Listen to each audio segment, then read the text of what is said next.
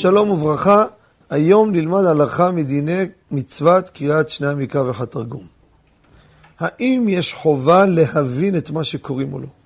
כידוע בכל תלמוד תורה, לימוד תורה, אין מצוות תלמוד תורה אם אדם לא מבין לפחות הבנה מינימלית. אין דבר כזה לקרוא. לקרוא זה לא תלמוד תורה, צריך טיפת הבנה. חוץ מהזוהר, שזה לנשמה, ויש אומרים אף המשניות. אבל כל לימוד, הלכה, גמרא, מדרש, אין דבר כזה, אני קורא, קורא, קורא, קורא. חייבים להבין מה שקוראים. אפילו הבנה מינימלית. ופה אני רוצה לדבר על שני המקרא ואחד תרגום. האם יש חובת הבנה או לא? הלכה למעשה, כל מהות הקריאת שתי המקרא ואחד תרגום, כדי שיהיה רגיל לקרוא בתורה.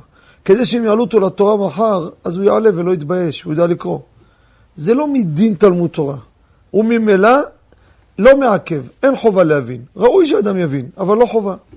ומה שיש כמה וכמה מחברי הזמן, שהלכו והעתיקו כולם את המקור מהחפץ חיים בספרו ליקוטי מאמרים, שיש חובת הבנה בקריאת המקרא, הוציאו דבר מהקשרו. מי שיקרא את כל המאמר, כל דבריו מדבר אך ורק על נושא של חיוב תלמוד תורה. שאדם חייב ללמוד תורה כל יום, ולשלש את לימודו, מקרא, משנה, גמרא וכולי, אז שם הוא אומר, את המקרא חייב להבין, אם לא זה לא תלמוד תורה, כמו שפתחנו. אבל שתה מקרא ואחד תרגום זה לא מדין תלמוד תורה. ולכן, הלכה למעשה, גם מי שלא מבין את התרגום, לא מבין את המקרא, יש פרשיות שהראש שלו לא פה, לא מבין את הפסוקים הקשים האלו, אין בזה בעיה ויוצא ידי חובה לכתחילה. תודה רבה וכל טוב.